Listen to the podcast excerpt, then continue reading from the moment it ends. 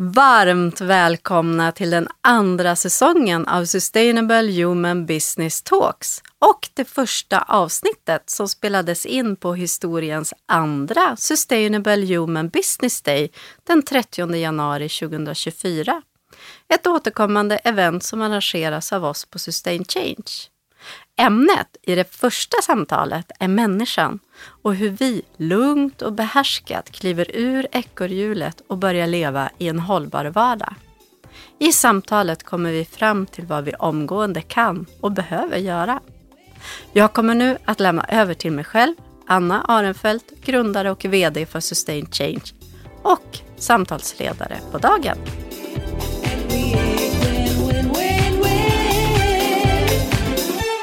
Ja, men varmt välkomna alla ni där ute och alla som sitter här i studion. Ni som är med oss idag har haft möjlighet att svara på Human Wellbeing Index som ger oss ett nuläge och en möjlighet att följa vår utveckling mot en mer hållbar vardag och ett hållbart liv. Och det här har vi tagit fram utifrån det här att vi människor upplever välbefinnande och hälsa om vi får vakna utvilade och se fram emot dagen oavsett om det är en arbetsdag eller en ledig dag. Ha resiliensen att möta eh, och lära av livets upp och nedgångar. Ha förmågan att sätta gränser utifrån den egna hälsan och göra medvetna val för att vara hållbar långsiktigt. Och att må bra, det är en förutsättning också för att göra, göra ett bra jobb helt enkelt. Och det vi kan utläsa ifrån de här svaren som vi har fått in, det är att det är endast 46 procent som anser sig få den sömn de behöver i form av kvantitet och kvalitet. 60 procent upplever sig inte ha kontroll över stressen i vardagen. Och 68 procent har ork på jobbet, men motsvarande siffra hemma är bara 51 procent. Och med den korta informationen så hälsar jag de första medverkande hit till min lägereld. För det är ju sån här gemensam nämnare som vi började med på förra Sustainable Human Business Day som vi haft med oss i varje poddinspelning och som är med oss här nu igen. Anders Lundin, Hej. Välkommen. Tack. Du har jobbat som lärare och är idag föreläsare på ditt alldeles egna tema att skickliggöra varandra. Ja. Du är också en hängiven pappa, morfar och farfar vet jag. Grym på att bygga kojor. Ja. Och Marianne Gustafsson.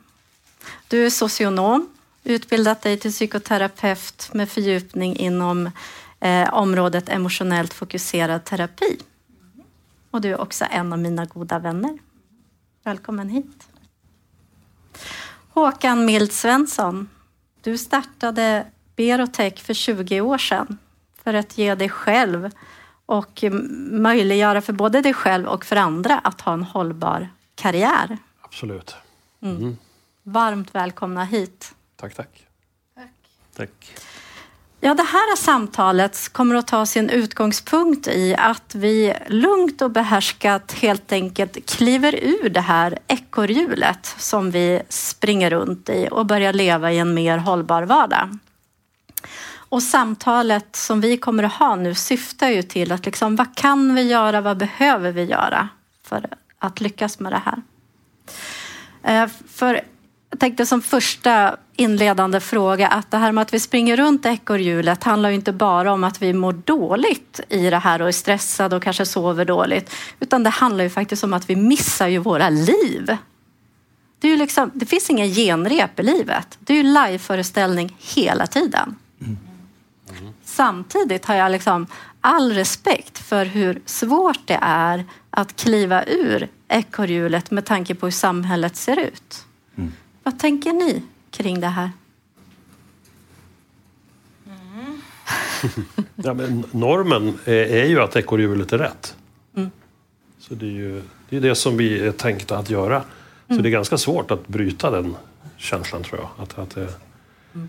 på något sätt egentligen bara fundera, är det här det bästa som kan hända? Eller är det, finns det något annat? Jag tror man behöver se någonting annat för att få några förebilder för att kunna göra det. Mm. Och det känns ju som att det kommer ganska tidigt, nästan i skolan. Vi ska in i betygssystemen och liksom det är väldigt snabbt så kommer vi in i det här prestations... Mm. Det var någon som sa till mig, med tanke på den frågan du sa, så som du tillbringar dina dagar så tillbringar du ditt liv. Mm. Alltså jag, jag, kan ju fundera på, att välja A så väljer jag bort B mm. i livet. Mm. Om jag nu vill ha en relation med mina barn eller mina barnbarn, hur, hur möter jag då andra människor? Mm. Om jag vill ha ett bra klimat i ledningsgruppen, hur möter jag de andra? Det är ju det som är livet. Mm. Mm. Ja, det gäller ju också, det här med ekorrhjulet är ju också... Vi behöver ju oftast, de flesta av oss, försörja oss. vi behöver göra någonting eh, där vi liksom bidrar till samhället, till världen eh, varje dag. Och sen så liksom få den där balansen mellan jobb, eh, fritid, familj. Alltså det är väl det som alla kämpar med egentligen. Att inget får liksom ta över något annat. Det, det, det, är liksom en kamp, tänker jag, för många. Och jag tänker, det jag upplever, det är ju, och upplever själv, inte minst, det är ju att den som stryker mest på foten, det är ju en själv. Mm.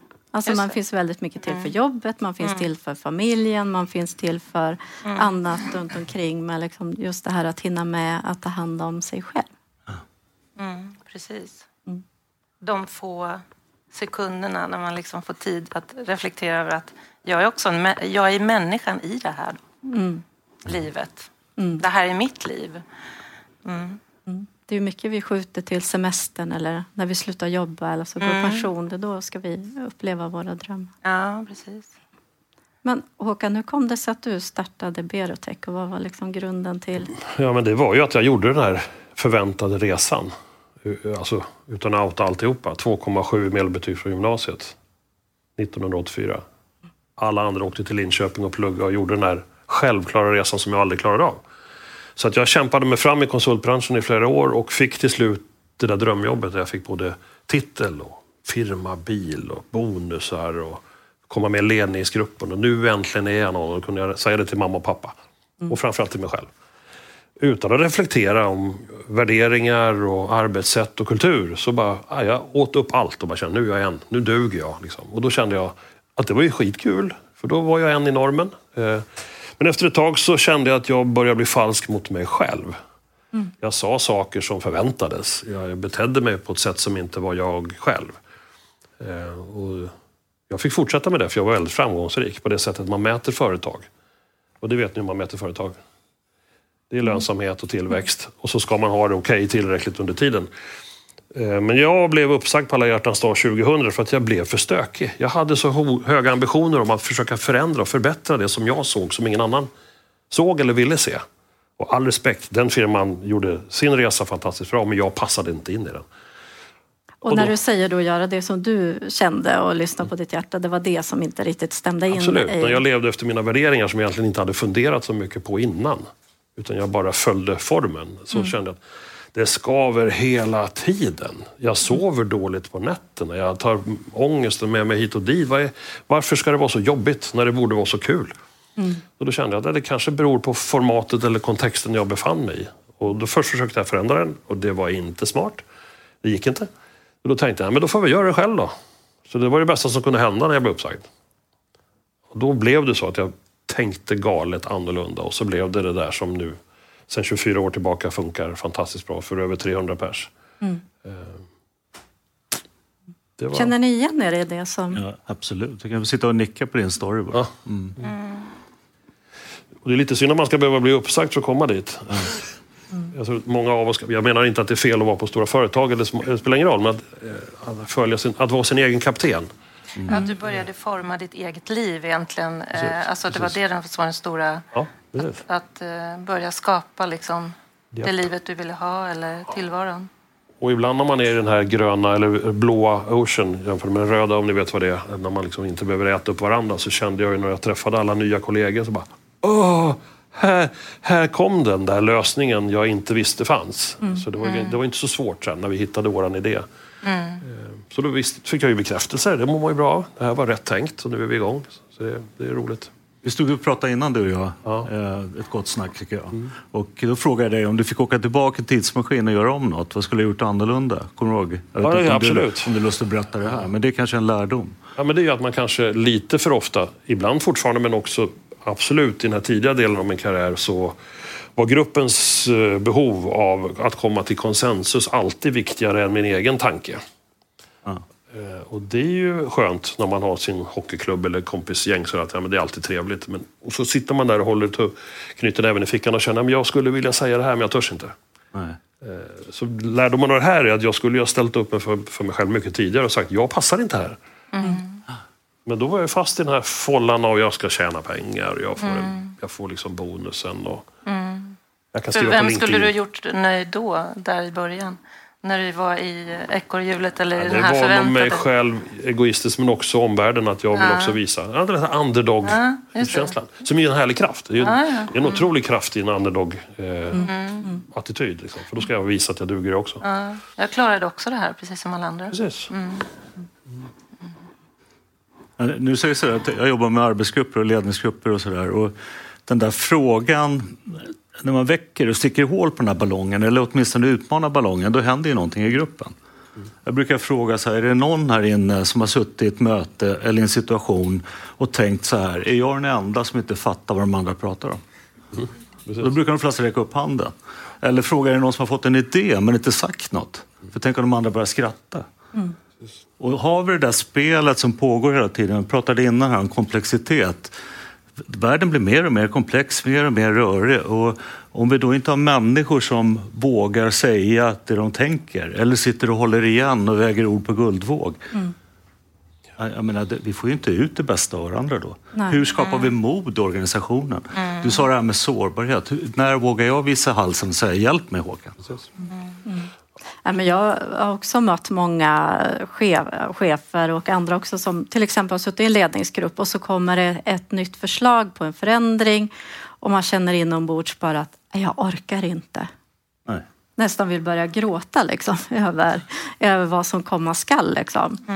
Men det här pratar vi inte så mycket om utan vi ska ju vara sådana här starka liksom, och gilla utmaningar. Man ska inte vara nej-sägare, eller hur? Och säga jag vill inte. Nej, eller jag orkar inte Ja. eller det, det har varit för mycket nu, vi behöver återhämta oss eller jag och mina medarbetare. Mm.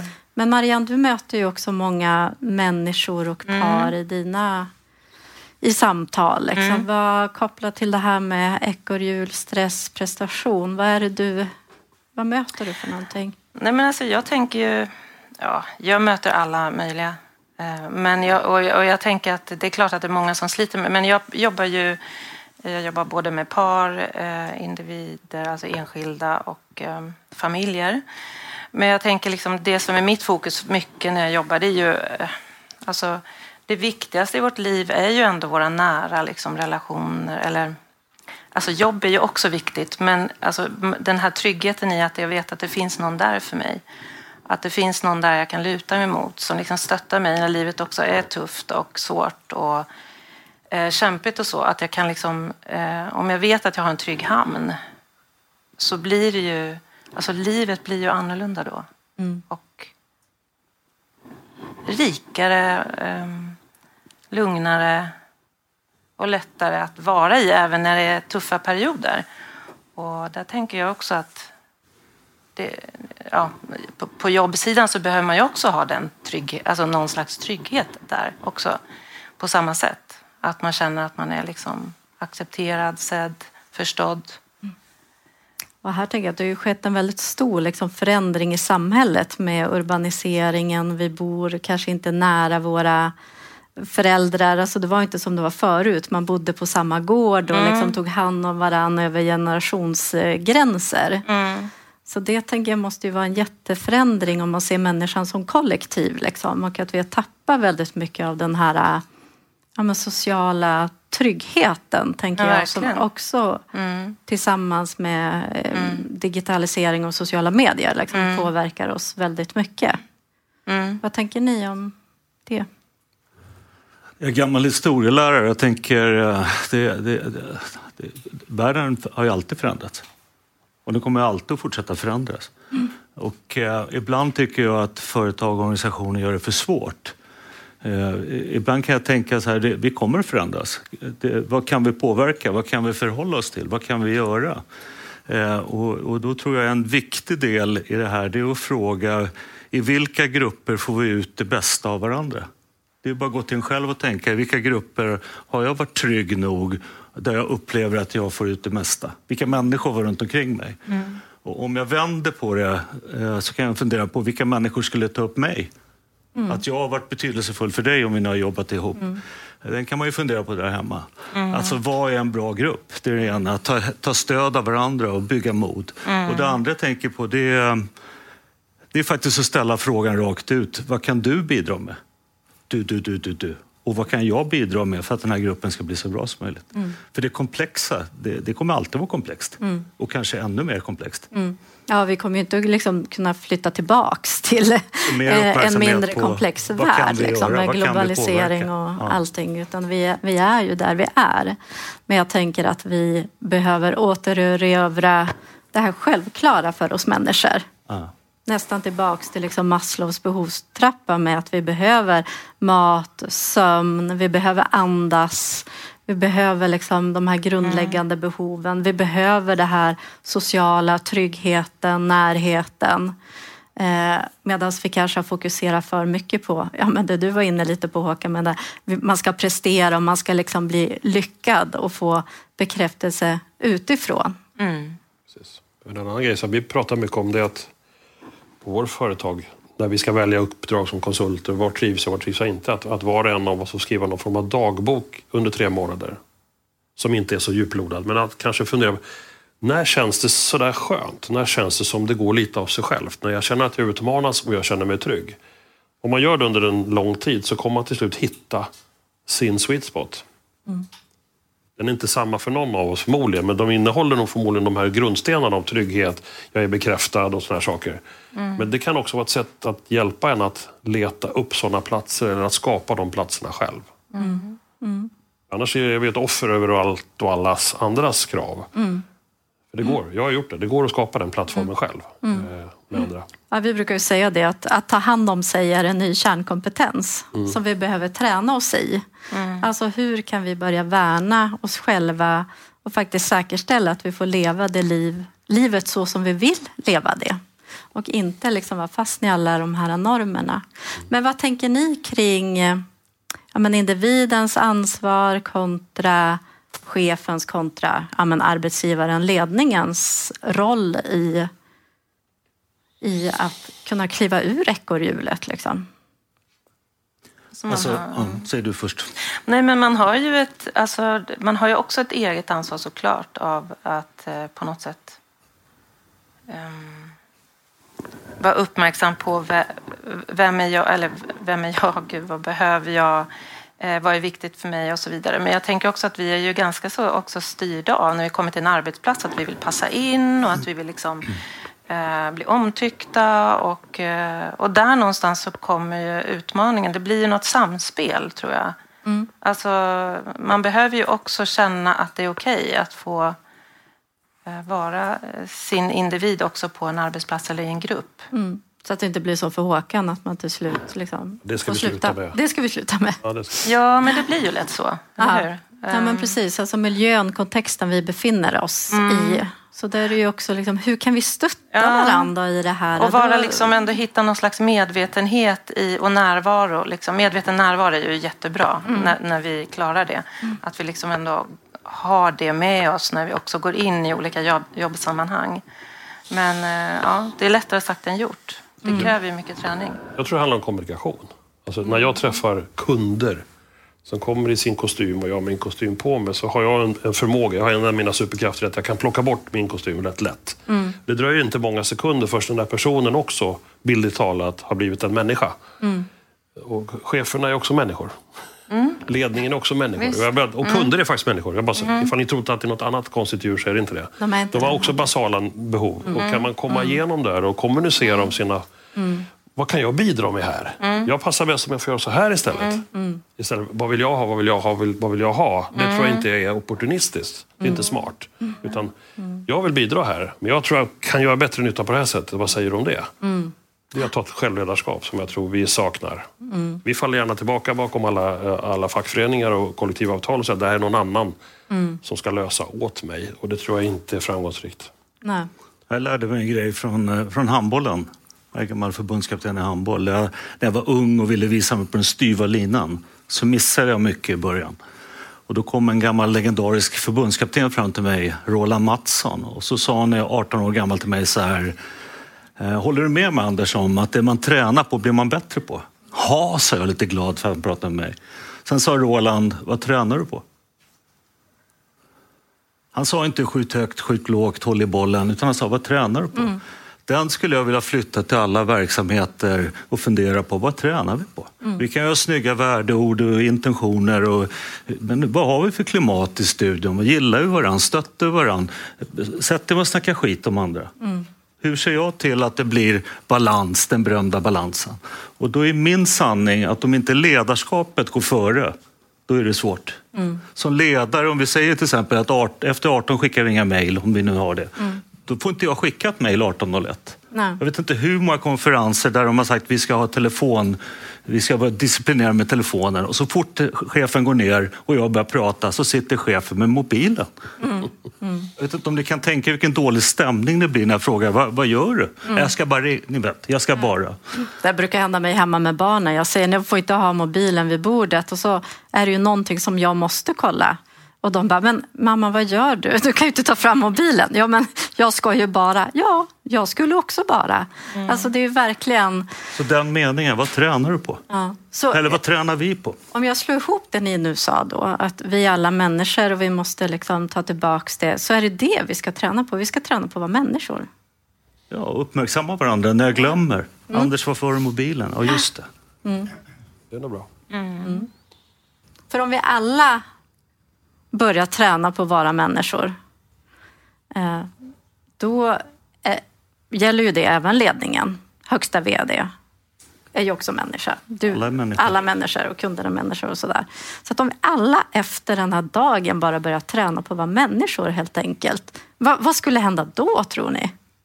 Och vad skulle man ha för fokus då? då? Ja, vad Om man skulle träna på att vara människa. Alltså eh, fokus på att liksom lyssna på sig själv, lyssna på varandra, vara i någon slags samspel, känna in vad som händer. Eller, Mm. eh, Jag tror att det går. Jag menar, återta det med handbollslaget. Hur många är det? Nio pers va?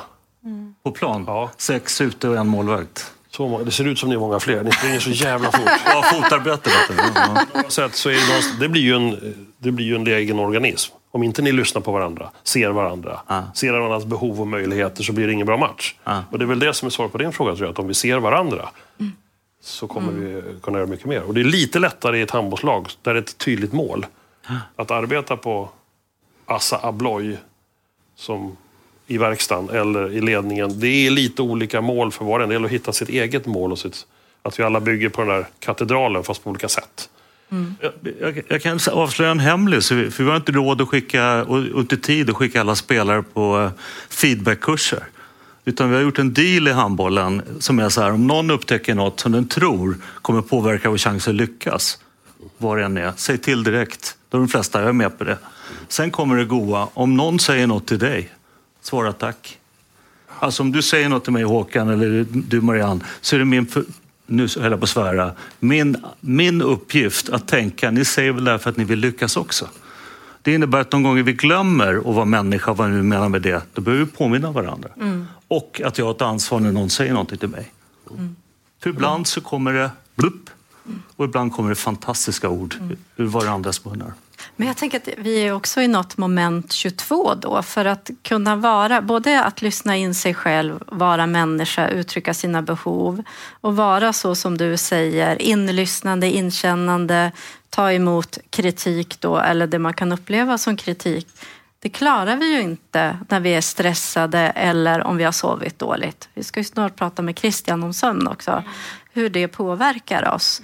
Så att det känns som att vi, vi är verkligen så här fast i någon... eh, någon Vem har sagt att det är lätt? Alltså det är så att, att låta bli det här, då är vi där vi är. Då, då sover vi alltid dåligt. Och så måste vi sluta jobba för att vi går i väggen och allt möjligt. Så att det här är ju ingen lätt fråga. Nej. Och någonstans måste man väl börja med sig själv, tänker jag. Alltså syrgasprincipen på flyget där. Liksom att alla, om alla går hem till sig själv en stund och försöker landa in. Och jag tänker just det här vad man ska bidra till och sådär. Det finns väl två perspektiv på det. Det ena tänker jag är ju det yrkesmässiga. Alltså vad, vad vill jag lägga min tid i att tjäna pengar på? Men sen också vad vill jag med mitt liv? Mm. För på jobbet har vi ju mycket verksamhetsplaneringar och mål och så vidare som vi kanske inte alls har på samma sätt hemma.